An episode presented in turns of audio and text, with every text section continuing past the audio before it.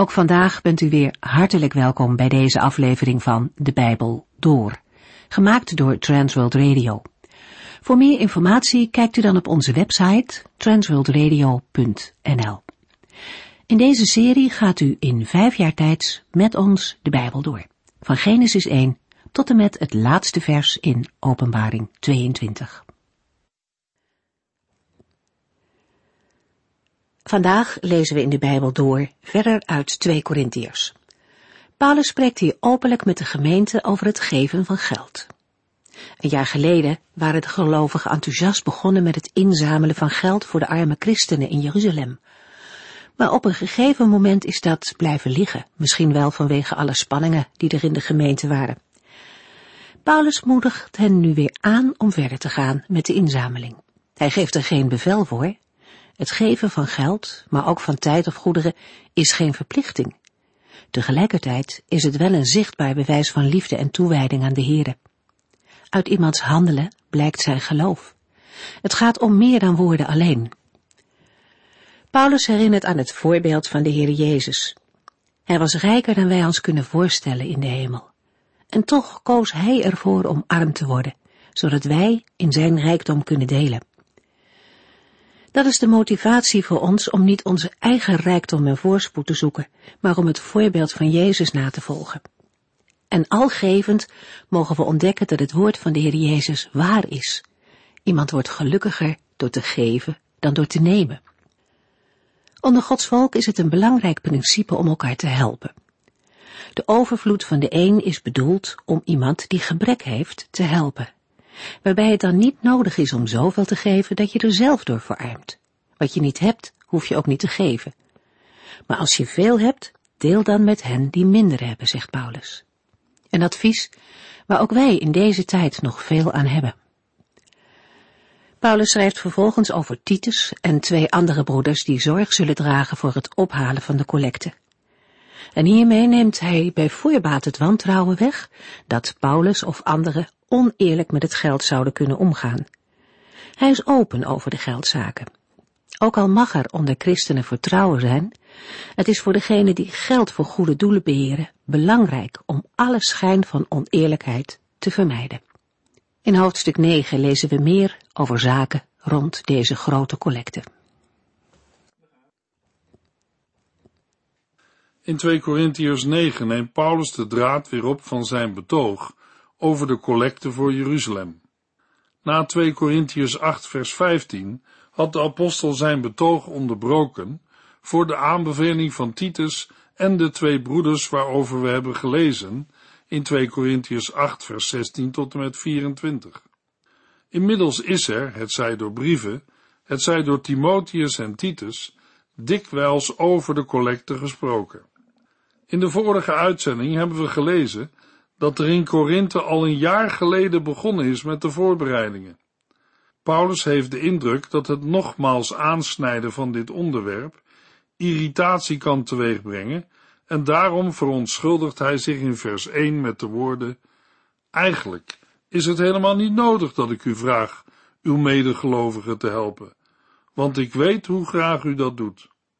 Maar deze verontschuldiging is een bepaalde vorm van beleefdheid want zij wordt wel degelijk gevolgd door een hernieuwde aansporing van de gelovigen in Korinthe om zich voor de collecte in te zetten.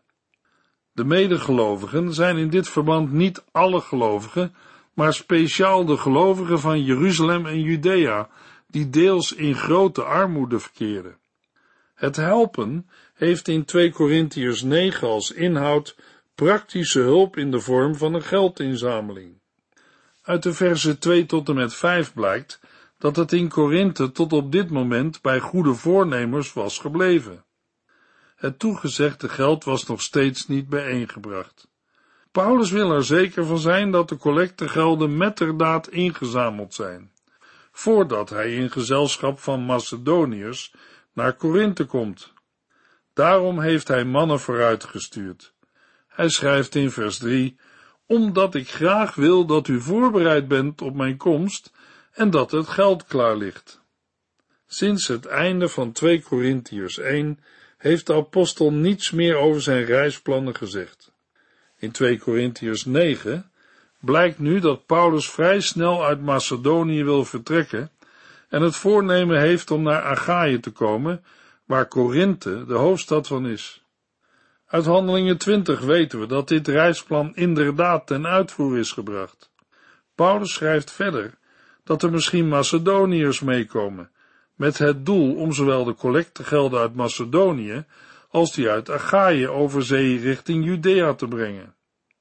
In Handelingen 20 vers 4 treffen de namen aan van een aantal vertegenwoordigers uit Macedonië, namelijk Sopater, Aristarchus en Secundus. Waarschijnlijk is ook Lucas erbij geweest. Als de collectegelden niet klaar liggen, zal niet alleen de geloofwaardigheid van Paulus, maar zeker ook de geloofwaardigheid van de gelovigen uit Achaïe in de ogen van de Macedoniërs ernstig schade lijden. Omdat Paulus wil voorkomen dat de inzameling mislukt, heeft hij de drie broeders opgedragen naar Achaïe te reizen en alles in orde te maken, voordat hij met de Macedoniërs aankomt. Immers de gelovigen van Achaïe, met name in Korinthe, hebben al een jaar geleden toegezegd aan de collecte te zullen meewerken. De collecte wordt hier een zegening of gift genoemd. Dit drukt zowel de instelling van de gevers uit, zij willen zegenen, als de reactie van de ontvangers. Zij ontvangen een financiële zegen. Maar alleen als alles van tevoren opzij gelegd en van tevoren wordt ingezameld, zal de collecte inderdaad het karakter van een zegen en een echte gift hebben. In alle andere gevallen zal het blijken een fooi te zijn en geeft het blijk van gierigheid en een niet willen delen met anderen. Als de gelovigen in Korinthe en Achaïe op het laatste moment een geldbedrag afstaan, dan zal dat niet echt een offer zijn. Paulus verlangt naar een gulle gave en niet naar een afgedwongen karige collecte. Hij vraagt dat niet voor zichzelf, maar voor de nood van de verarmde gelovigen in Jeruzalem. 2 Korintiërs 9 vers 6 Onthoud dit goed. Wie niet veel geeft, zal ook zelf niet veel ontvangen. Een boer die weinig zaait, zal maar weinig oogsten. Maar wie veel zaait, zal ook veel oogsten. Het verschil tussen een zegening, een echte gift en gierigheid wordt in vers 6 duidelijk. Paulus laat zien hoe belangrijk het is om een royale zegenrijke gift aan de gelovigen van Judea te brengen. Want aan dit geven is een beloning van Gods wegen verbonden. Paulus gebruikt ter illustratie een spreekwoord dat ontleend is aan de akkerbouw. Een boer die weinig zaait zal maar weinig oogsten, maar wie veel zaait zal ook veel oogsten. Gelijksoortige voorbeelden vinden we in Spreuken 22 en Gelaten 6. Weinig geven komt overeen met gierigheid en heeft hier een negatieve bijklank. Het staat tegenover veel geven, zegenen, wat we moeten opvatten als rijkelijk, royaal. Het gaat hier om de manier van geven. Daarin kan de gelovige terughoudend of royaal zijn. Mogelijk speelt hier ook Gods belofte aan Abraham een rol. Genesis 12, vers 3. Ik zal zegenen wie u zegenen.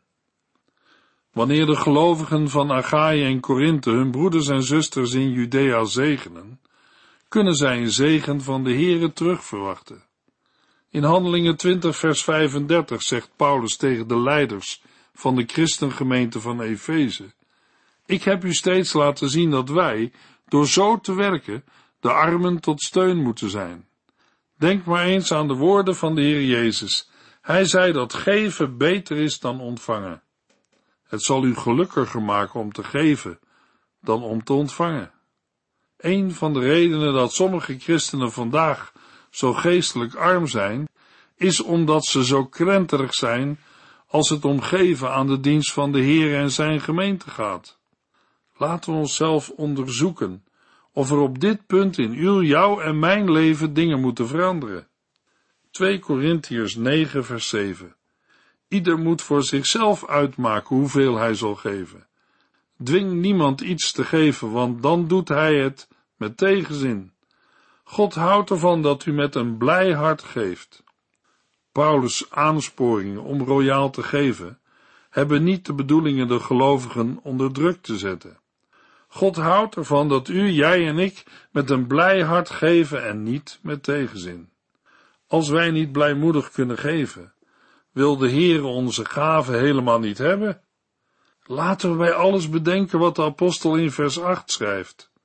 God geeft zijn genade in overvloed, zodat u niet alleen zelf alles krijgt wat nodig is, maar het ook royaal met anderen kunt delen. In de genade van de vrijgevigheid is er sprake van een wisselwerking tussen de Heere en de gelovigen.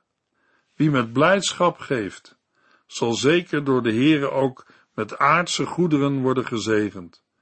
Maar dat heeft wel tot doel dat gelovigen nog rijkelijker zullen gaan geven.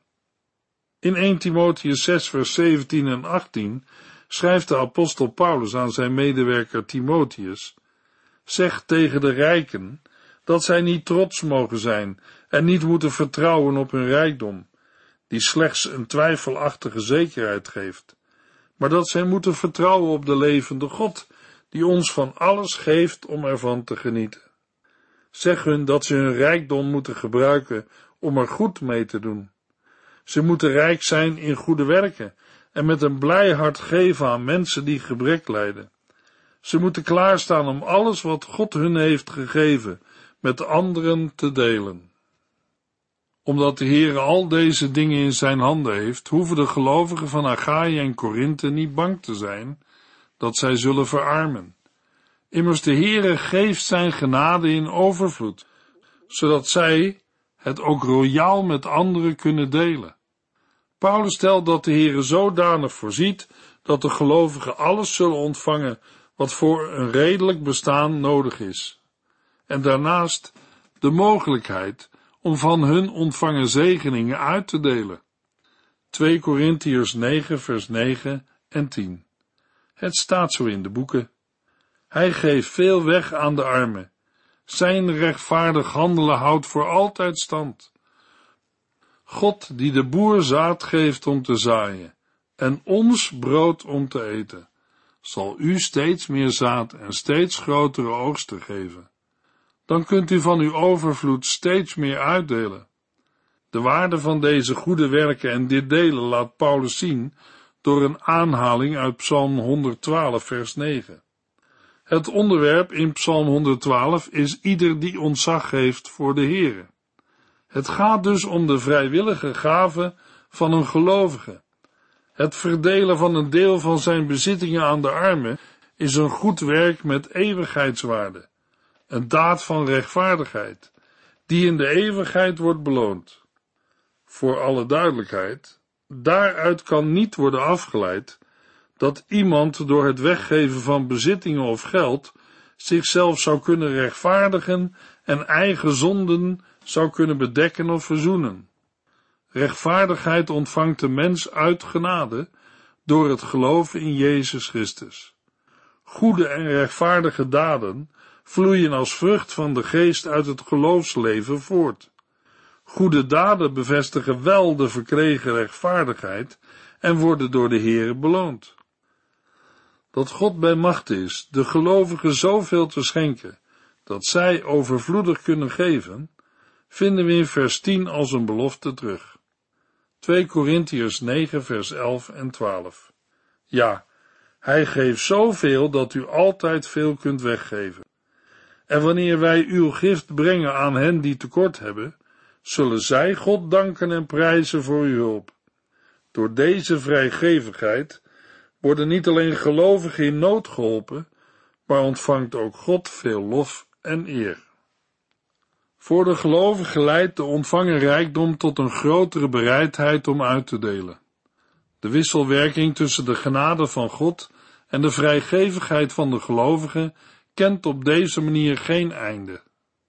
De vrijgevigheid van de gelovigen bewerkt ook dankzegging aan God. Het gaat daarbij om het dankgebed van de gelovigen uit Judea en Jeruzalem voor de ontvangen gift. Uiteindelijk is het eerbetoon aan God het hoogtepunt van de hele inzamelingsactie. 2 Korintiërs 9 vers 13. De gelovigen van Jeruzalem zullen niet alleen blij zijn dat u hen en anderen zo geweldig helpt, maar ook God de eer geven, omdat uw daden bewijzen dat het goede nieuws van Christus dit allemaal in u heeft bewerkt. Het feit dat de gelovigen uit de Joden door deze inzameling, die voor hen bestemd is, op praktische wijze ervaren dat de gelovigen uit de niet-Joden echt met hen verbonden zijn, moet hen tot dankbaarheid aan God en tot erkenning van hun medebroeders stemmen. Joodse gelovigen in Jeruzalem dankten de Heere voor gelovige heidenen uit Achaïe en Macedonië. Luisteraar, is er ergens iemand op de wereld die God dankt voor uw gulheid? 2 Korintiërs 9 vers 14 Zij zullen vurig voor u bidden en naar u verlangen, omdat zij de onbegrensde genade van God in u herkennen. De gelovigen uit Judea en Jeruzalem zullen de gelovigen uit de heidenen gaan liefhebben.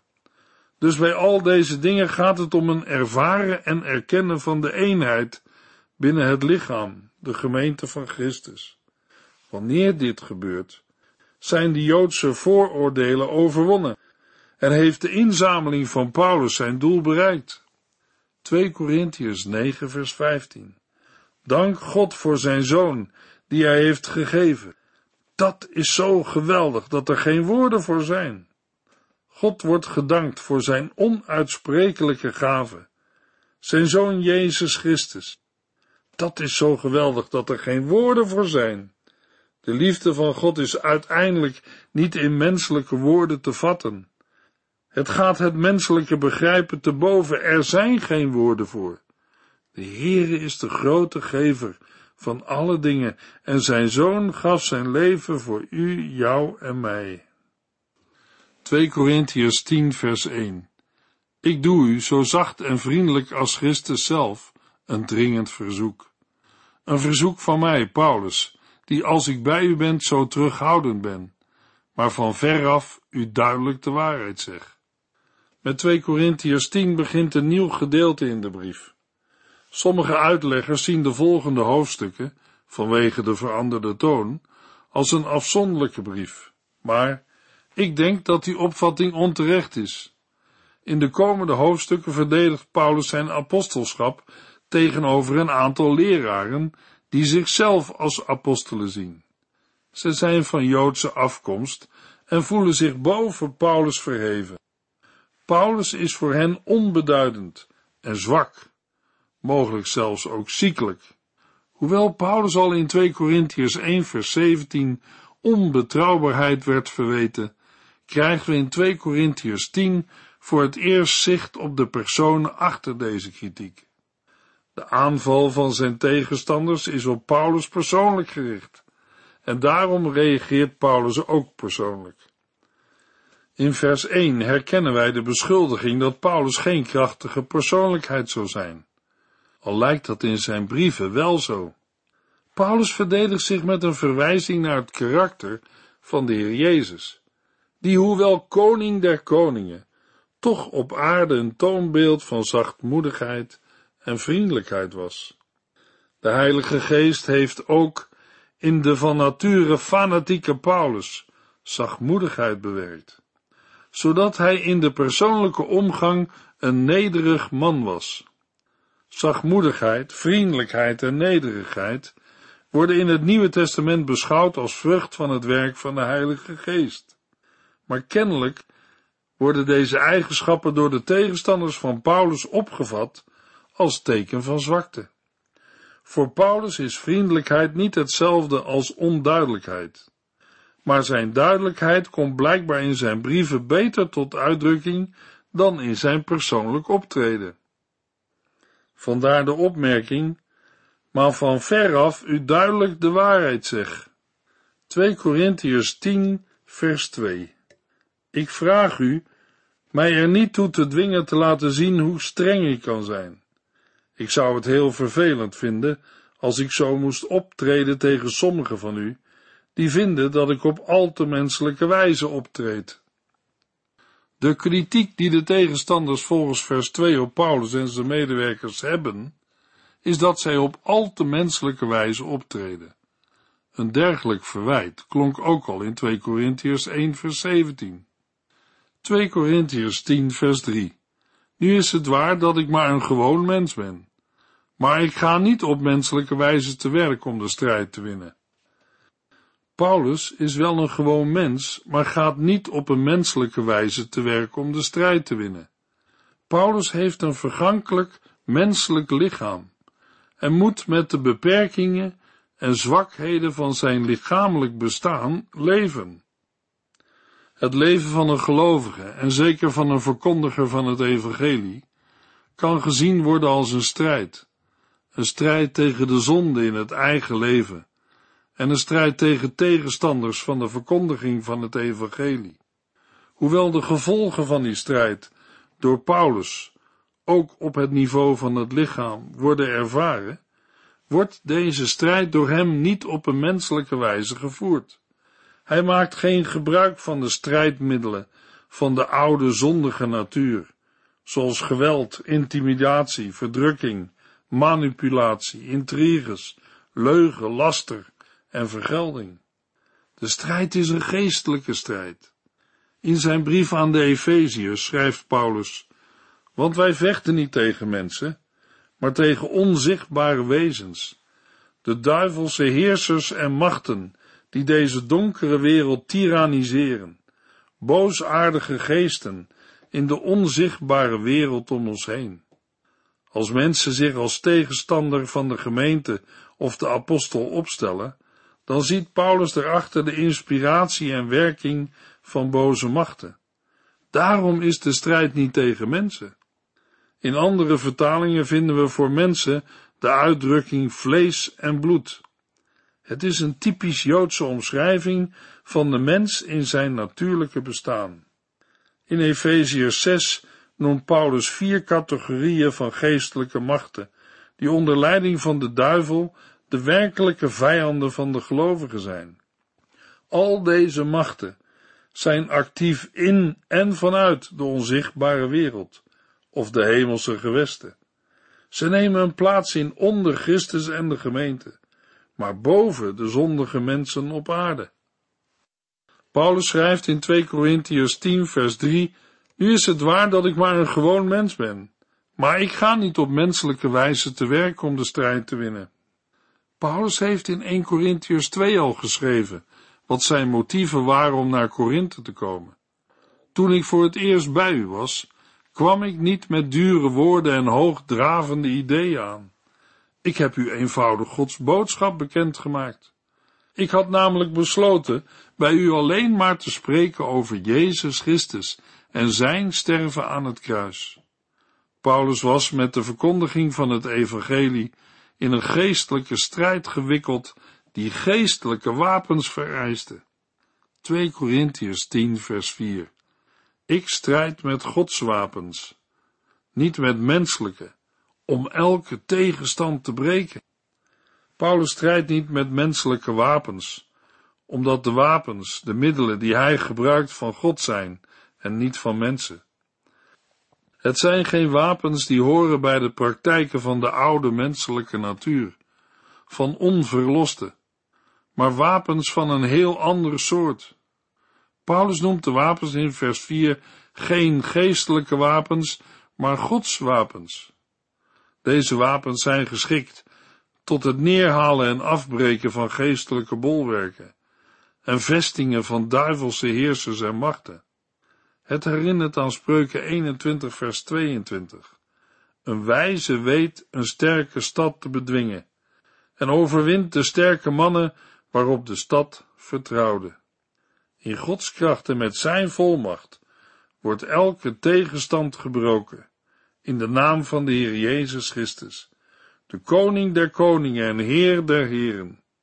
Geestelijke oorlogvoering betekent dat we een geestelijke vijand hebben en een geestelijke vijand vereist geestelijke wapens. Ons eerste wapen is het woord van God. Gelovigen moeten de Heere vertrouwen op zijn woord.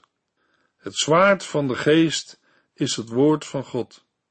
Paulus kwam naar Korinthe, centrum van filosofie en godsdienst, met het wapen van het woord van God. Hij kwam niet met dure menselijke woorden, maar met het woord van God. Hij schrijft in Romeinen 1, vers 16: Ik schaam mij niet voor dit goede nieuws. Het is immers door de kracht van God het middel waardoor mensen die het geloven gered worden. In de eerste plaats is dit nieuws voor de Joden, maar ook voor alle andere volken. Ook wij moeten vertrouwen hebben in het woord van God. Een tweede wapen is de aanwezigheid van de Heilige Geest. Paulus erkende zijn eigen menselijke zwakheid. Hij wist dat hij was verzegeld en vervuld met de Heilige Geest. De Heilige Geest leidde hem en gaf hem kracht om het werk te doen waartoe de Heer hem had geroepen. Nog een wapen in de geestelijke strijd is het gebed. Het is waar dat er in de brieven aan de Corinthiërs niet veel onderwijs over het gebed wordt gegeven. Maar de apostel Paulus was zeker een man van gebed. In het hoofdstuk over de geestelijke wapenrusting schrijft de apostel: Bid voortdurend en laat u daarbij leiden door de Heilige Geest. Verslap daarin niet, maar houd vol en bid onafgebroken voor de andere christenen. Bid ook voor mij. Vraag God mij de juiste woorden te geven als ik mijn mond open doe, zodat ik vrijmoedig het geheimenis van het goede nieuws bekend mag maken. De apostel Paulus rekent op de gebedsondersteuning van zijn broeders en zusters bij het bekendmaken van het evangelie van Jezus Christus. Luisteraar, mogen wij het ook aan u vragen? Bid ook voor ons. In de volgende uitzending lezen we verder in 2 Korintiërs 10. U heeft geluisterd naar De Bijbel Door, in het Nederlands vertaald en bewerkt door Transworld Radio. Een programma waarin we in vijf jaar tijd de hele Bijbel doorgaan. Als u wilt reageren op deze uitzending of u heeft vragen, dan kunt u contact met ons opnemen. Tijdens kantooruren kunt u bellen op 0342 478432. 0342 478432. Ook kunt u een e-mail sturen naar de en natuurlijk kunt u ook via de post ons bereiken. TWR, postbus 371, postcode 3770, AJ in Barneveld. Dit programma werd gepresenteerd door Cor Weda en Ike André.